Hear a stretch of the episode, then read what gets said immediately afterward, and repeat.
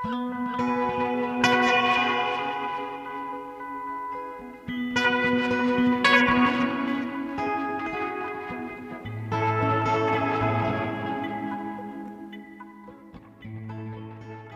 er saga sem fær hjarta þitt til að bresta. Á þessari setningu úr ljóðinu Blí eftir bandarska ljóðskaldið Mary Oliver hefst pistill dags hjartasonar í dag. Hugleðingar um heimbrima og heimkynni þeirra flytja pislahund að hugmyndum samfélags okkar mannana um heimili og heimilisleysi. Við getum kannski pakkað sásauka annaræn í fjögur að fermetra kassa í atvinnuhúsnaði á höfða en það er algjör miskilingur að halda að þessir kassar springi ekki framann í okkur. Heimkynni er líka hugmynd sem kemur fyrir í heimildamindinni Kvöndagssetjur sem frumsyndir í kvöld í Bíó Paradís. Myndin fjallar um fjórar konur sem eiga það sameigilegt að hafa búið á Íslandi í 20 ár. Þær eru fættar í Bosníu, Jamaiku, Pólandi og Tyrklandi og allar hafa þær sína sögu að segja af því hvað leti þær til Íslands. Við ræðum við Magnúi Björk Valdimarsdóttur, höfund myndarannar. Við heyrum einnig af öðrum höfundi, pólska vísindaskáldsagna höfundinum Stanislav Lem. Lem hefði orðið 100 ára í ár og að því tilefni efnir pólska sendiráðið í samstarfi við Háskóla Íslands til kveikmyndaháttíðar í Veröld húsi Vigdísar. Þorgerður Ása Adalsteinsdóttir ræðir í þættinum við þær Anastasíu Glegovska og Marju Krasnodebska frá sendiráði Póllands á Íslandi um pólska skaldið Stanislav Lem.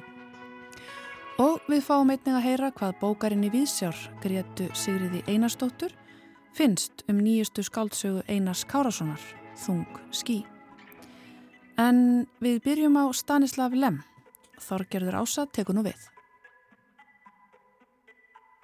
Í dag hefst kvikmyndaháttíð í Veröld húsi Viðdísar til heiðurs pólska rítvöndunum Stanislav Lem undir heitinu Lem in the Cinema eða Lem í kvikmyndum.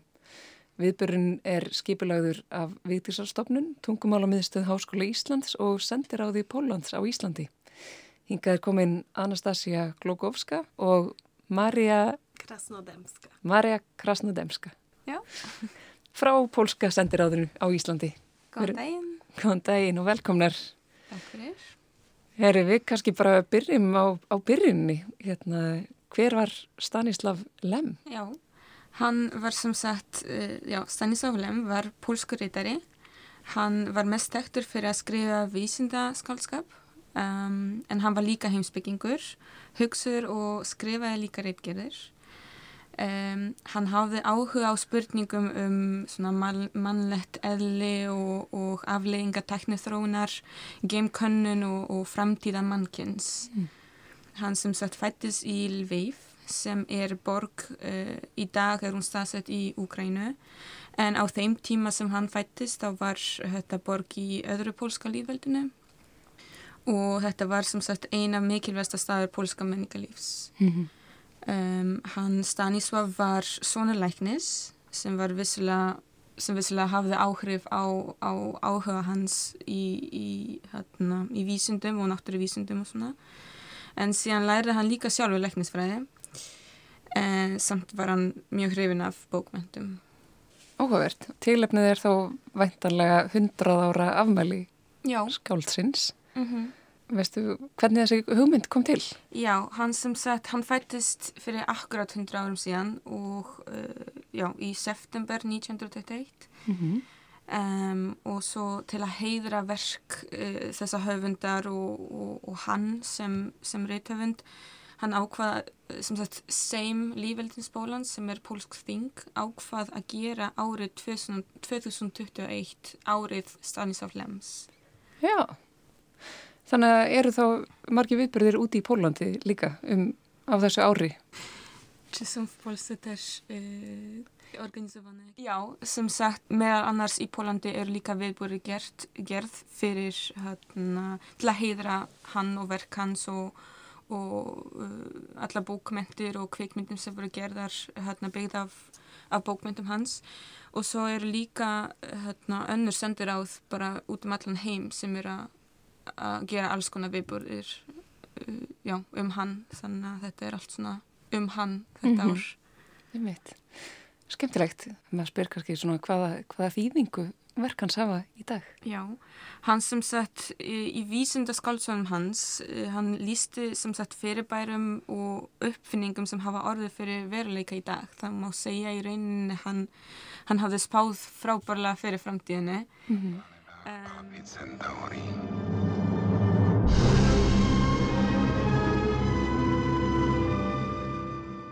Hér er rétt að koma aðeins betur inn á þær framtíðarspár sem Stanislav Lem hafði rétt fyrir sér um. Jú, um framtíðina sem við lifum í núna. Hann spáði meðal annars fyrir um rafbækur, internetið, hljóðbækur, leitarvélar, snjálfsíma og þrývítarprentun, tölvuleikin Sims og síndarveruleika.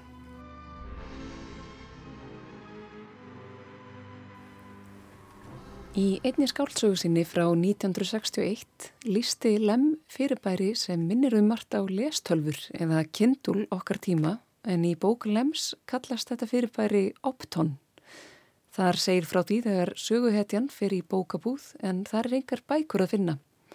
Bækurnar voru eins konar kristallar sem var búið að hlaða efni inn á. Hægt var að lesa þær með hjálp Opton sem líktist bók en það var aðeins ein blaðsíða á millir spjaldana. Með snertingu byrtist svo næsta blaðsíða. Og Lem spáði líka fyrir um, um tilkomu internetsins en í bókinni Dialogs frá 1957 bræður hann upp myndum af upplýsingavélum, minnisböngum og veldur fyrir sér möguleikanum á plánetu tölvuneti. En Lem lest árið 2006 og livði því það að sjá internetið verða veruleika og haftur eftir ótröstum heimildum að við það tilöfni hafa hann sagt að áður en að notaði internetið hafa hann ekki haft hugmyndum að það væri svona margir hálfvitar í heiminum. Pozor,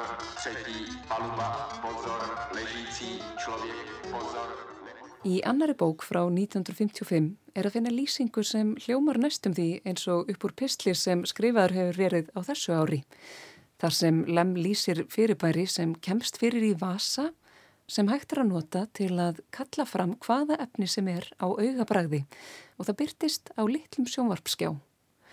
Í sögulems notar fólk þetta tæki oft á dag umhjúsnarlaust en eftirfærandi lína úr bókans á engar velvið árið 2021. Við notum það í dag án þess að einu sinni hugsa um afkastagetu og mátt þessa stóra ósýnilega nets sem umlikur nöttin. En við gefum Anastasíu aftur orðið. Hann sem sagt spurði mikið af spurningum um kjarnamannsins uh, í, í heiminn nýrar hérna, teknirar þannig að um, hann átti mikil áhuga á, á svona gerfigreind, svona AI og að auki var hann líka bara mikil snillingur í, í tungumálum og það er stundum sagt að hann er mistari í pólska tungu uh, sem sagt, já. Og emitt verk hans voru þýtt yfir á mörg tungumál, mér að segja held ég yfir 50, 50 tungumál út um allan heim. Já Þá langum að spyrja hvernig gekka skipulegja þennan viðbyrðu og velja kvikmyndir eða eru vantilega margar kvikmyndir sem hafa verið gerðar byggðar á verkum hans. Mm -hmm. Var mikil valkvíði sem fylgdi þessu? Já, já, sem sagt uh, síningin eins og þú sagðir áður hérna, er á vöðum Pólska sendiráðs og Háskóla Íslands. Það var sem sagt tungumálarmiðstöðun Háskóla Íslands og viðísarstofnun. Það var erfitt að velja úr verkum út í það er bara svo mikið á því. En við, á, á endanum við hérna, ákveðum að velja úr kvikmyndum sem voru frá ýmsum uh, tímabilum og mm gerðar af mismunandi hérna, leikstjórum frá mismunandi löndum til að fá þetta alveg fjölbreytara um, eins og til dæmis Psekvadanit sem er eina af myndum sem hefur verið sínt um, Róli Póli Já, Róli Póli á ennsku uh, þetta er sem sagt eina pólska framleyslan Mm. og hún er, þessum sagt myndin er eftir frægan pólskan leikstjóra Andrzej Wajda frá 1968 Doktor Barton, ten chirurg. No tak. Transplantacja, rozumiem. Og Ikaria XB8 er einnig mynd frá 1960 ártöðum og hún var framleitt af Tjekko-Slavukju uh, hérna, leikstjóranum. Uh, og Solaris var líka svona á tímabili Sovjetríkins svona 1980 og hún var sem sagt gerð af leikstjórn Andrzej Tarkovski Einmitt, nú er það að tala um Solaris Ég var að tala um Solaris, já, já, sem er eitt hans þekktasta verk Þekktasta verk, já. Já. Einmitt. Getur þú sagt mér um hvað hún fjallar? Ég, Já. Fyrir þá sem ekki þekki til Já, já, hérna Solaris er sem sagt, uh, hún er sem sagt byggð á skáldsöðu sem er á saman nafni og hún fjallar í rauninu um svona geimferðir um, og einbyttir sér samt meira á svona heimsbygglegri svona sálfræðinni aðalhetju sem er í sögunni. Þannig að, já, þetta er ein af svona stærstum kannski myndum sem er þekktust af Stanislav Lem.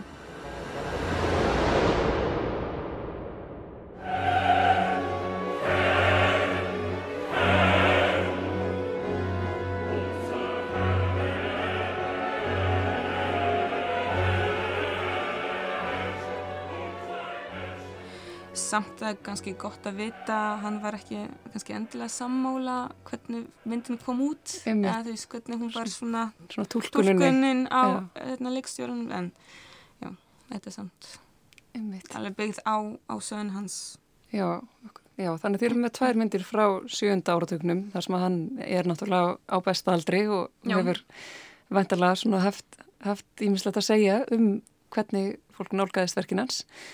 En e, svo eru þið með tvær nýri myndir sem kom út e, Mhm. 2018 og 2013 en hann Mhm, mhm. lest 2006. Þannig, að- Emitt, þetta voru, ger, hérna, þetta voru verk emitt rétt eftir hann lést þannig að hann átti ekki mikið að segja þegar myndina voru gerðar en hérna, já, að minnst The Congress, þetta er sem sagt bandarísk framleysla Mhm. um, og hún vísar sem sagt til skáldsögu Lems uh, The Futurological Congress. Þetta er sem sagt hvernig hérna, skáldsaga heitir. Og svo er His Master's Voice. Það er sem sagt ungversk mynd. Og eftir leikstjórunum Georg Pálfi ég held ég að segja það rétt. Mhm. uh, og hún er sem sagt innblásin af skáldsögu Lems sem eru bara samanapni þannig að Já, þetta er allt svona með frekar mjög svona heimspekilegan bóðskap. Þetta er allt svona, Einmitt. Vísindaskaldskapur með heimsbyggilegum undirtóm. mhm, mm emitt, já, Spennandi. Fyrsta myndin verður sínd í dag, setna í dag. já. E, já, þetta er sem sagt klukkan 5.30 byrjar hátíðin í auðarsalunum Vöröld, húsi við Ísar, þannig að við erum að hérna hvetja allar til að koma og kíkja okkur, Einmitt, það er, það er frýtt inn og, og allir velkomnir, auðvitað. frábært. Og já, þannig að þið byrjaði að sína elstu myndina. Mm Hér, ég treysti mér ekki til að bera fram pólska titilinn. já, Przekładaniec. akkurat, Já, eða Róli Póli eins og þetta er á ennsku, já. frá 1968 og svo verða umræður eftir á.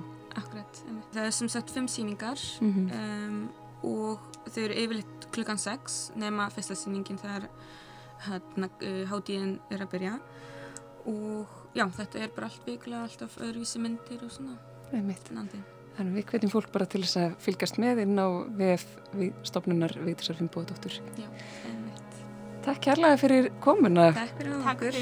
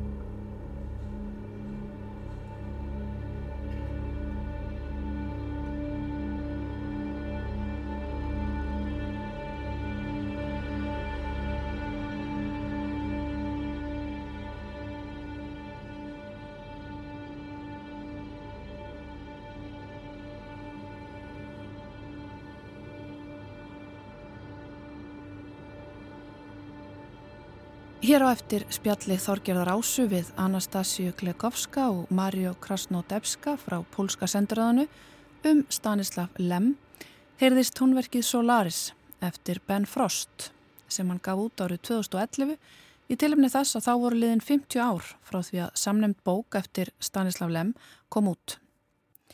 En nú tekur Greta Sigriður einastótti við. Það er alltaf eitthvað heitlandi við sannar sögur.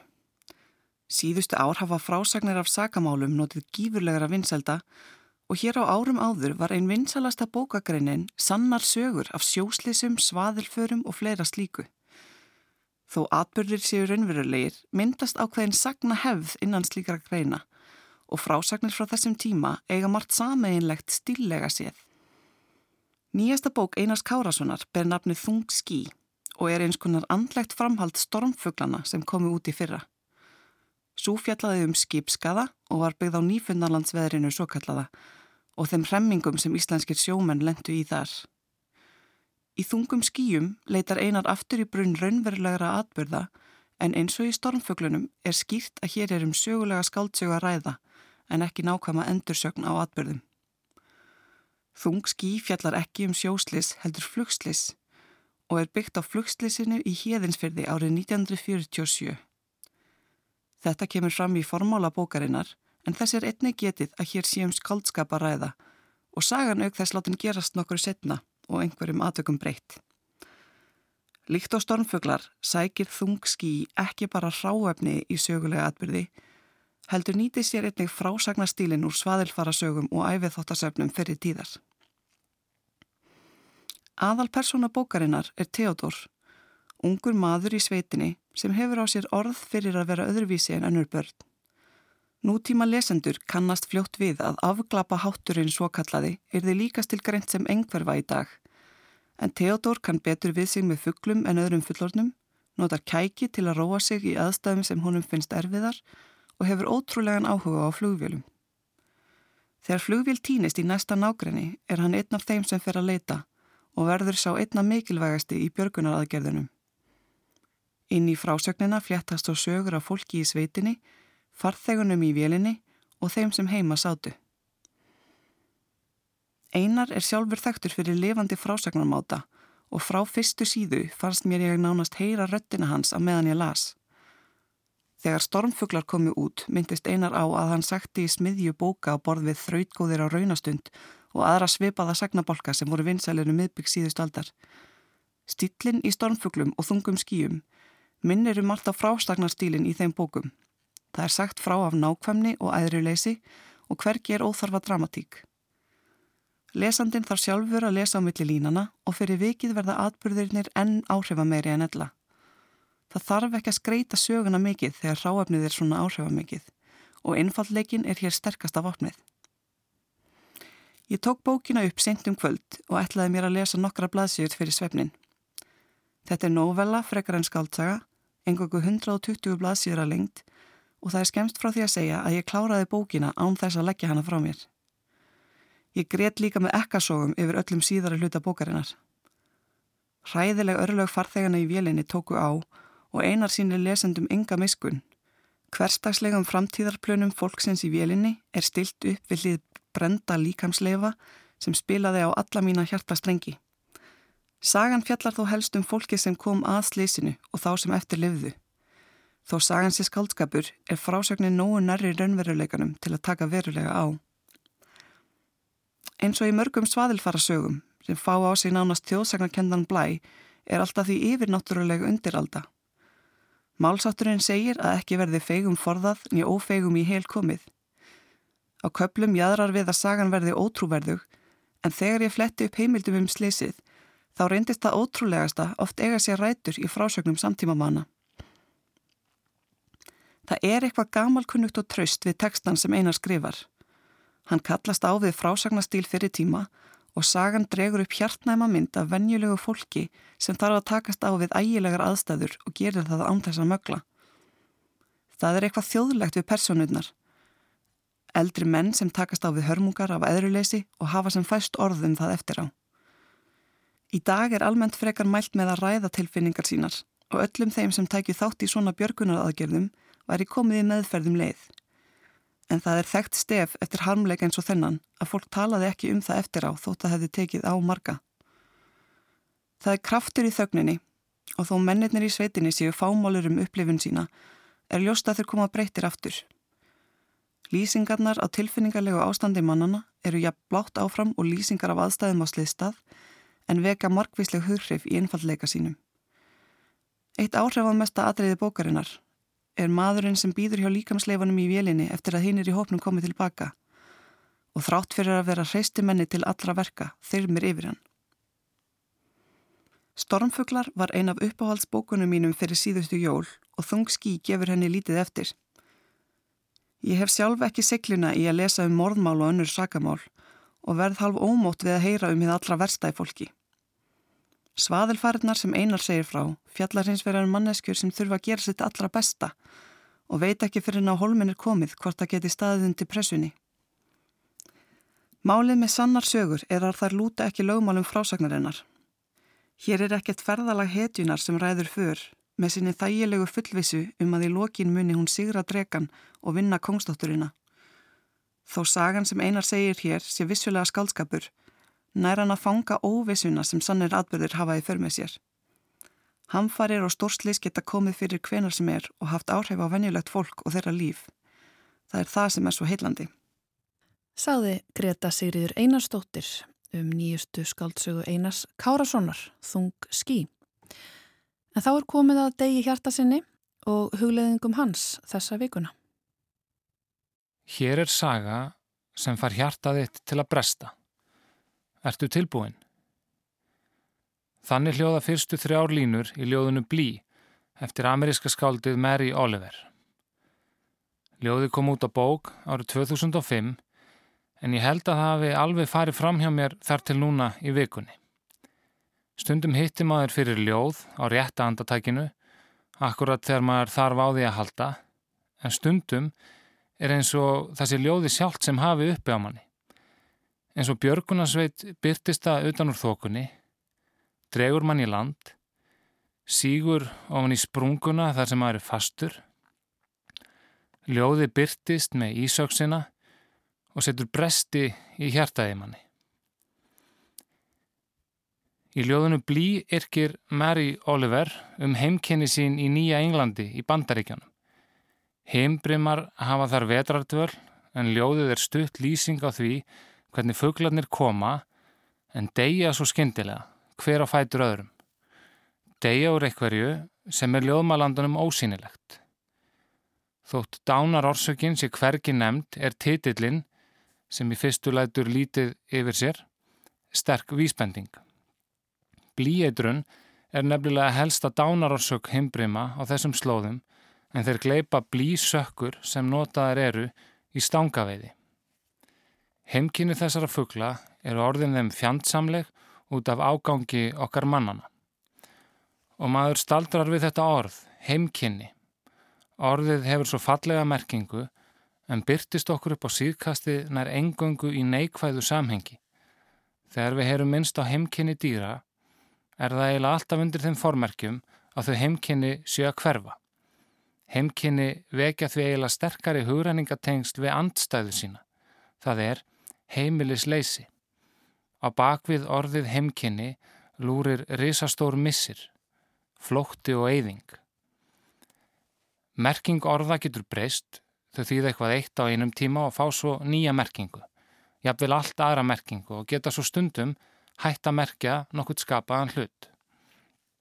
Nýlega voru annars konar heimkynni í frettunum. Frettum sem fengum hann til að spyrja sig hvað þýðir orðið heimili núna árið 2021 á Íslandi. Á höfuborgarsvæðinu er talið að 5-7.000 manns bú í ósamþyktu húsnæði.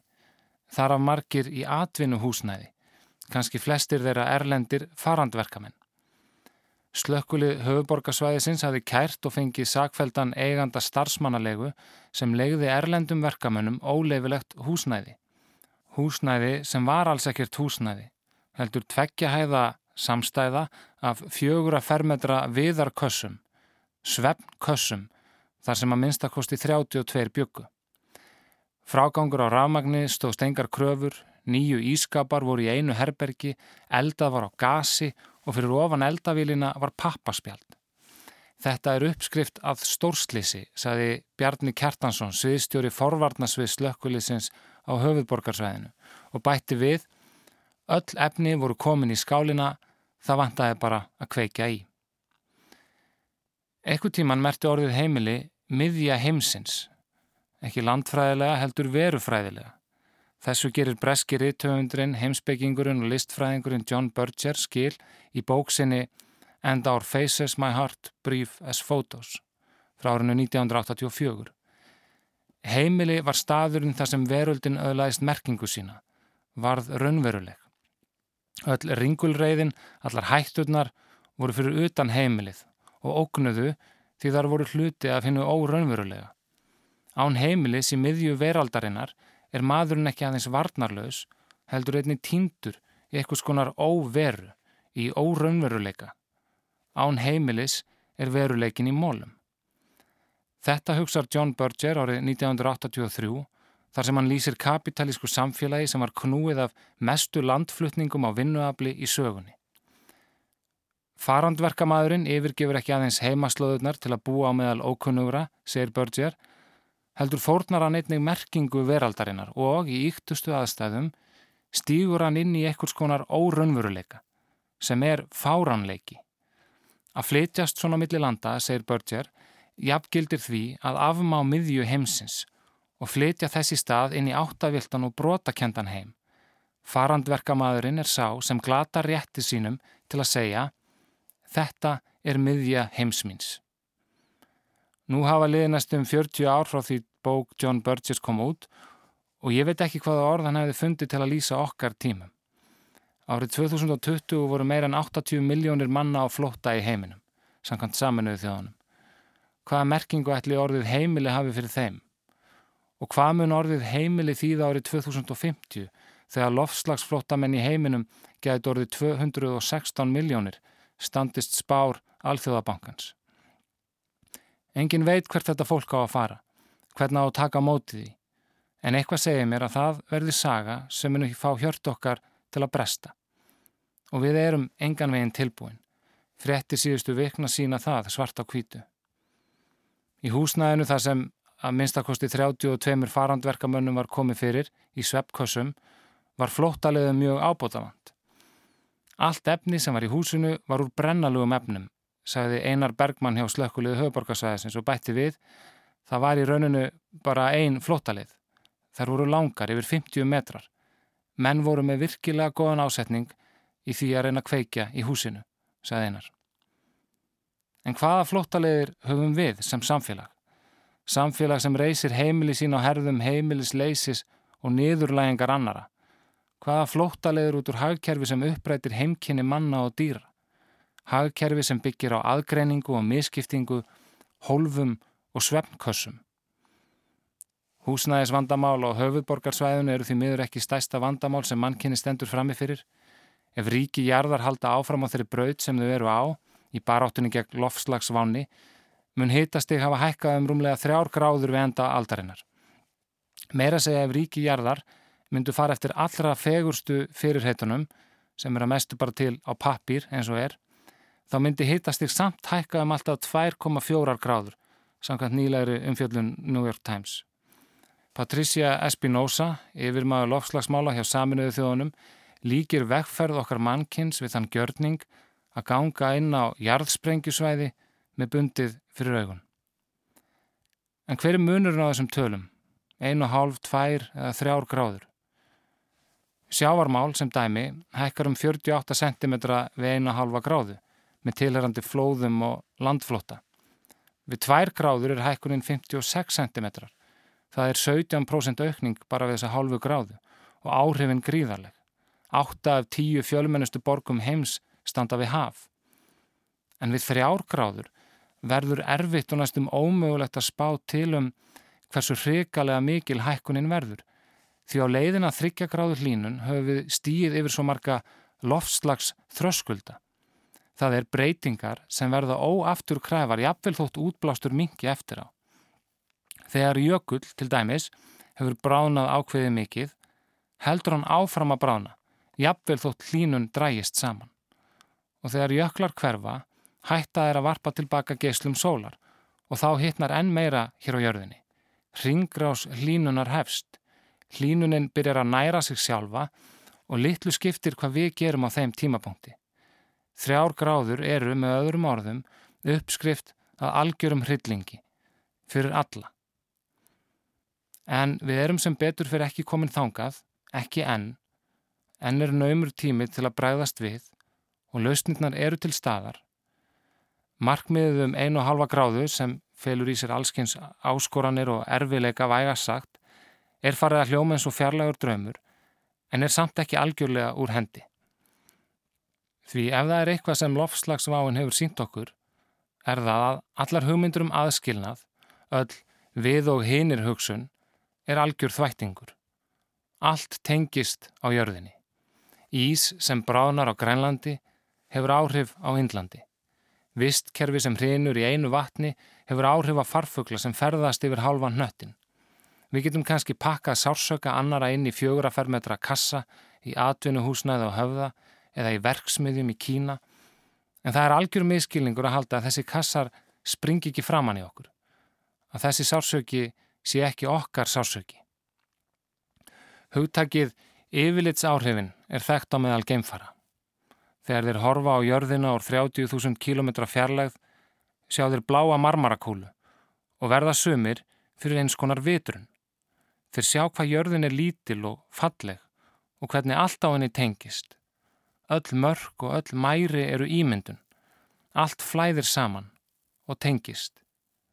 Þessi upplifun er kölluð yfirlits áhrifin og hún breytir lífi margra geimfara sem sumir trúa því að ef mannkinni geti allt orðið fyrir þessum áhrifum, séð jörðina eins og þeir hafa séðana, þá myndi friður, kærleikur og bræðralag ríkja.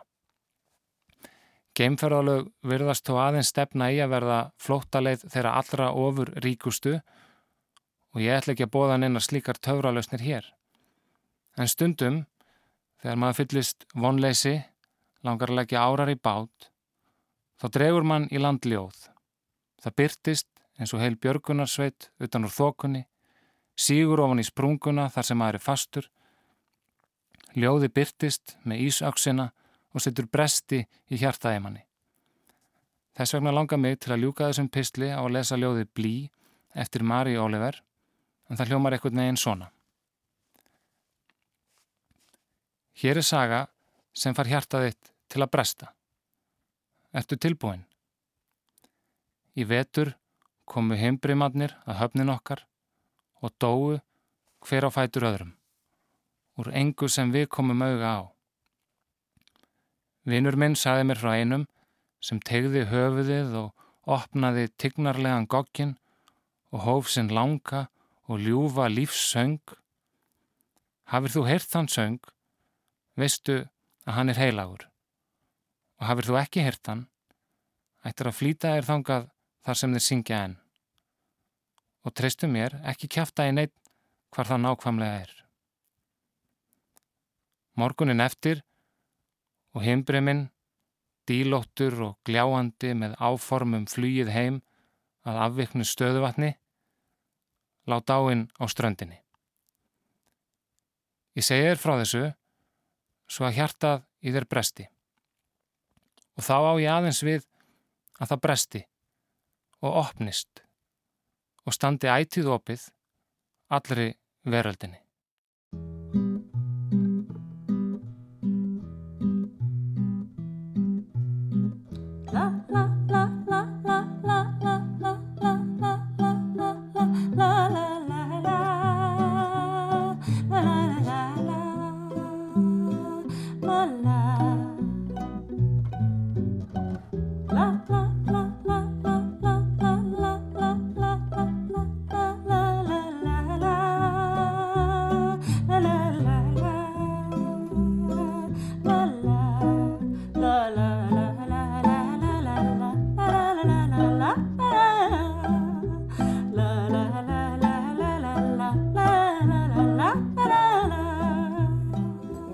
Det alveg samme vi er med Rem og Solis, whatever. Jeg mener, jeg er ikke reyna å være islendinger. Jeg er bare reyna å tale islandska, og dette er bare ervitt tungemål. Jeg atler alt å få være med Rem. Jeg øryggelig atler aldri å lære 100% av beia. Det verður få hva sånne malsveidelig. Ja, mistøk ja, mer og mer er alveg samme. Jeg mener,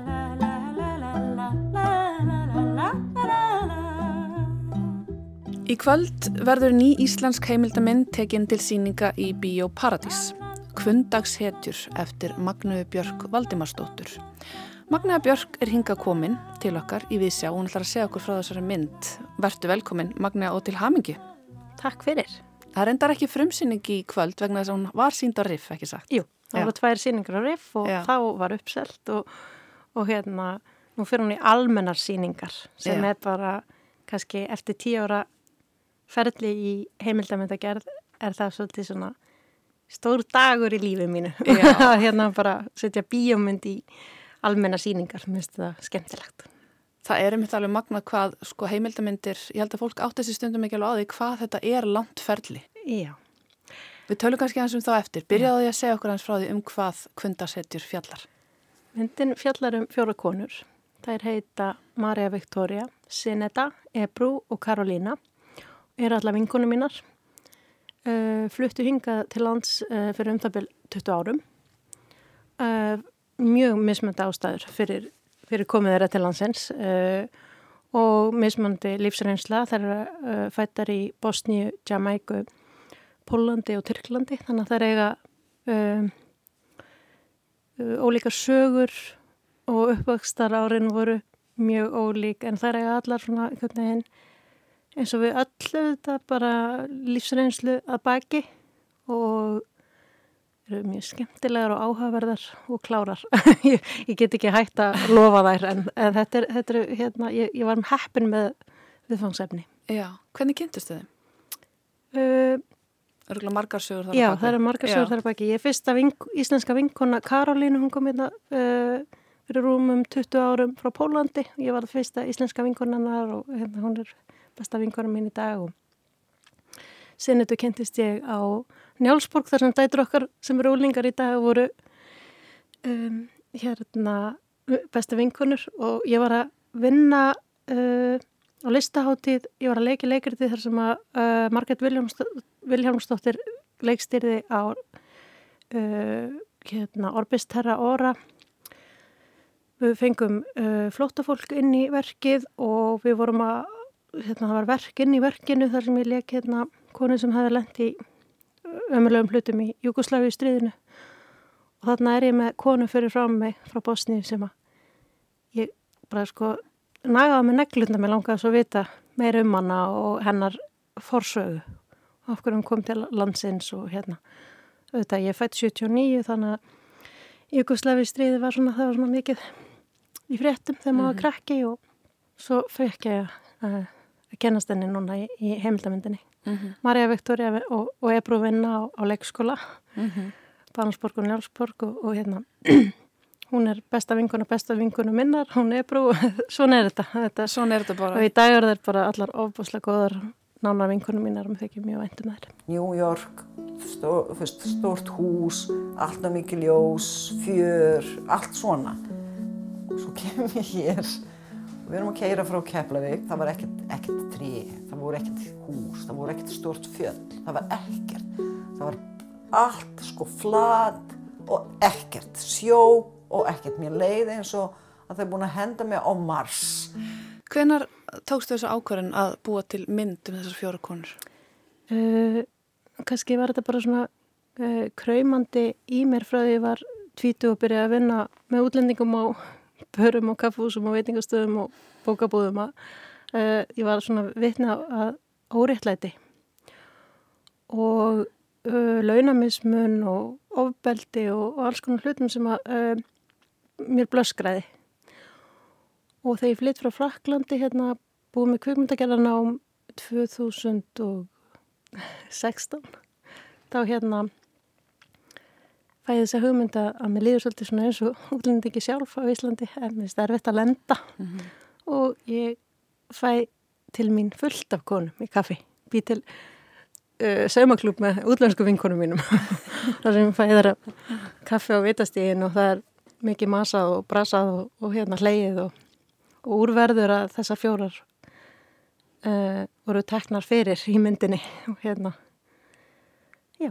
Og síðan eru liðin nokkur ár eins og Já, komst inn á fjör, fjör ára hann. ferli. Já, Þetta er, þetta er, ég hef gert nokkra stuttmyndir og það hefur oft verið svona tvekja þryggjára ferli. Mhm. Þetta var fjör ára mjög virt ferli. Þetta var ekki svona, ó, ég var í listamóður, ég var tíu ára að gera þessa mynd og svo bara er, er þú veist, let, leti.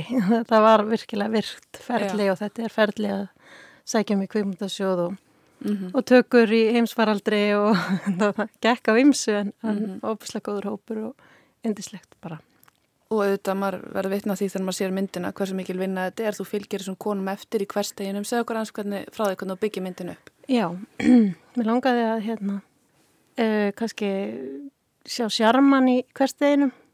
Það við upplifum, upplifum hann öll hverstegin og hérna sjá svona ljóðrænina í hversteginum og það, að það sé sjarman að sjá ykkur vaska upp og fara í vinnuna og, og hérna uh, Einmitt, það var viðtalum í fréttablaðin í dag þar sem að að var hérna innsláttavillan stríð myndataka versus falleg tónlist Ólafar Arnalds en þetta átti að vera stríð myndataka þannig að myndatakan er gróf og svona stríð en hérna ég legg bara upp með það að fá að fylgja þeim í daglegu lífi, þeim öllum fjórum uh, í vinnu og heima og, og fáum að heyra þeirra uh, ástæðuna okkur það er komið til landsins Mhm. uppvakstar árin og, og hérna fáum að kennast þeim mjög náið en, já, eins, eins og náið að maður getur og það er að skemmtilega er kannski að þegar fólk kemur út úr bjósanum þá langar þeim að kennast þeim enn betur Mhm. og það er það sem ég hef heyrt og Mhm. hérna og það er svo þakklátt út af því að kannski er gaman að, að, pæli því að við eigum öll okkar sögu Mhm. og maður veit aldrei hvað maðurinn í, í strætó eða út á pósthúsi eða konan, konan í bankanum er að upplifa eða hefur upplifað þannig að hérna, það er gaman að pæli því að öll við okkar sögu. Get alveg verið rosalega svona með stuttan þráð. Veist, það er ekkert út af, bara út af ég er þannig manneskja. Það getur verið út af, þú veist, ég þóla ekkert svona vesen og væl út af, út af ég veit hvað getur verið verð. Stríð, stríði í Júgoslavi var trúarstríð. Það voru konur sem mistu alla kallmenni sín í fjólskyldu. Æna mín fættist tveimur dögum fyrir þjóðamorð múslima út í Bosníu. Sem sagt hún fættist 9. júli, 11. júli var Srebrenica. Ég er sammála því sem þú segir, ég er búin að sjá myndina og eftir ég sá hana þá langaði mig mitt til að kynast þessum konum betur og það er eitthvað svona fallið stemning í myndinni sem að það er greinlegt að þú þekkir konunar vel, ég myndi segja það.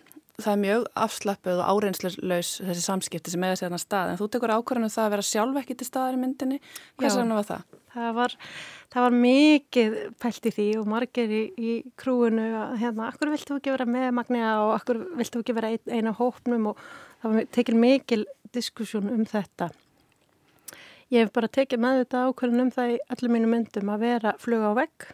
Mm Ég hef tekið mikið sjálf og klift mikið sjálf og, og hérna finnst uh, þessi stíla að láta lítið sér fara og vera með uh, eins og ég kalla það dömugræjur sem voru ekki dömulegar í þessara mynd, voru með risa myndavilar en hérna, hvað segir maður svona, þannig að maður er ekki ógnandi þegar maður er að taka viðtal og þá kemst maður miklu nær og ef fólk nær að gleyma myndavilinni uh, þá hérna þetta er, þetta er einmitt bara skemmtileg stúdía hérna, í heimildamöndagerða að hver, hvernig kemstu alveg að og, og hérna þetta er auðvitað bara það er gott að hafa gæta í 20 ár uh, og vera svona ágætt í hópsálfræði að hérna læra inn á manneskuna og eins og í leikúsinu svona maður, maður alltaf að stúdera manneskuna Já, hlustandi vita það kannski ekki að þú ert sjálf leikona og starfaði sem leikona áður en fórst út í heimildamöndagerð. Það lítur einmitt að kannski hjálpa þér í þessu að nálgast fólk eða hvað? Já, ég held bara að öll, öll hérna störf Já. og, fyrir lífsreynsla og, og hérna hjálpi manni og Mhm. auðvitað nám. Ég Mhm. lærði þess að leiklist og leiklistakennslu en ég fór í kvimundagernum. Akkurat. Þetta með það að endur spekla hverstægin og, og þessar sögur sem við vitum að allir eiga. Uh, það er einmitt svo tilfinning við eigum auðvitað öll eitthvað sameigilegt þó við komum úr sikkurum heimslutunum. Jú, við erum, uh, við hljótum að, að eiga eitthvað sameigilegt, við erum með nef og augu og munn og, og hérna öndum að okkur sama á loftinu og kannski bara að, að sjá það að erlendir uh, ríkisborgarar sem eru innflytjendur, sem eru íslendingar, takk fyrir, þú er talið með hreim og, og á einum punkt í myndinni segir Ebru, ég kannski losna aldrei við hennan hreim, en mér er sama og meðan fólk skilur mig. Uh -huh. Það er sama, ég hef alltaf talað öll mín ellendu tungumál með hreim og það, bara, það skiptir ekki máli ef fólk skilur mann. Uh -huh. Það er hérna ægit allt út um hvað voru að tala Allt þetta samanlega Já, þetta samanlega Já, Já. Að, hérna, við erum við, við hérna hvað, hvað getur við sagt, útlendingar getur verið krytti tilvöruna, hugsaðu hugsa bara matamenningun og tónlistina og allt sem að við hérna rútspungas við að kema lið græðum mm -hmm. En það er einmitt líka þú sagði að þú tókst ákvörðunum að taka þessa mynd vegna þess að þú uppliðið sjálf mikið óreittlæti þegar þú varst að stunda alla þessa vinnur sem að þessa konu stunda. Þú talar um þetta séu kvöndagssetjur. Þetta er kannski fólki sem að, sem að heldur að miklu leita upp samfélaginu og standar störf sem að margir Íslandingar bara vilja greinlega ekki ganga í. Já, það er auðvitað meðvitað ákvörðun að velja þær. Eh, þær eru í umhennunarstörfum, síðan þetta vinnur á bráðamótöku, erfiðar aðstæður, eh, þær vinna með börnum og leikskóla sem er bílaðislega erfitt starf. Ég hef starfað sem leik leiklistakennar í grunnskólum og fór einmitt bara í smá börnátt vegna þess að þetta er, maður gefur af sér einhvern veginn hjart og sál og maður vill standa sér vel og vera til staði fyrir börnin. Þetta er óbúslega slítandi og vanþaklott starf vegna þess að þetta er ekki, ekki sérstaklega vel borgað og hérna stundum líður manna eins og maður sé í góðgerðastarfi að vera kennari og eins með helbreyðstarfólk.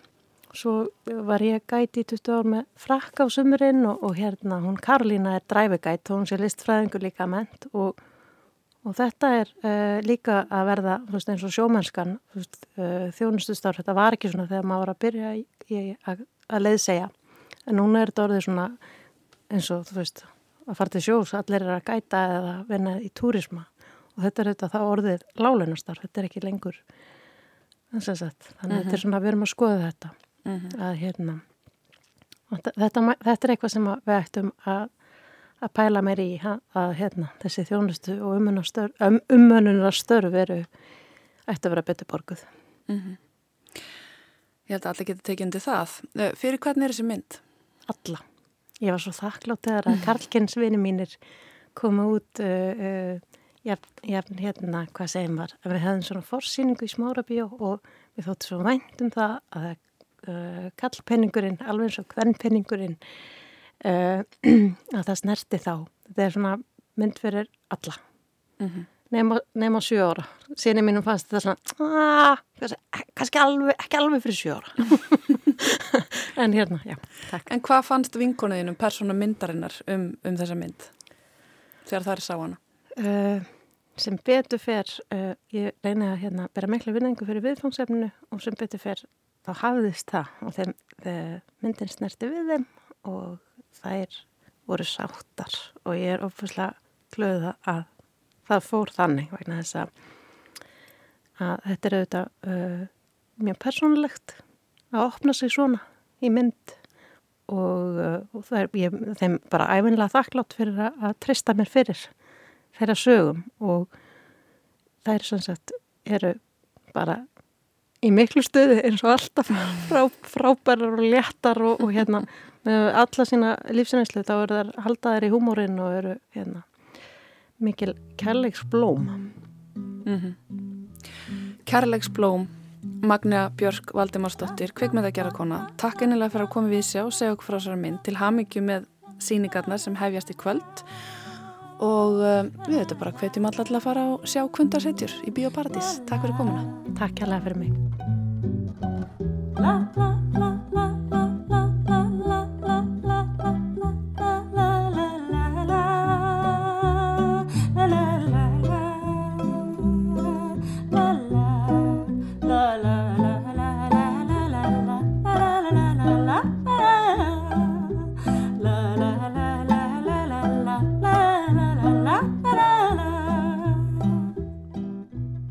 Óli Varnalds syngur þarna fyrir okkur en hún samti tónlistina við heimildamind Magnu Bjarkar Valdimarsdóttur Kvöndarsetjur sem ymmit verður tekinn til síninga í Bíoparadís í kvöld. Hér endar þáttur dagsins. Takk fyrir að hlusta og verið sæl.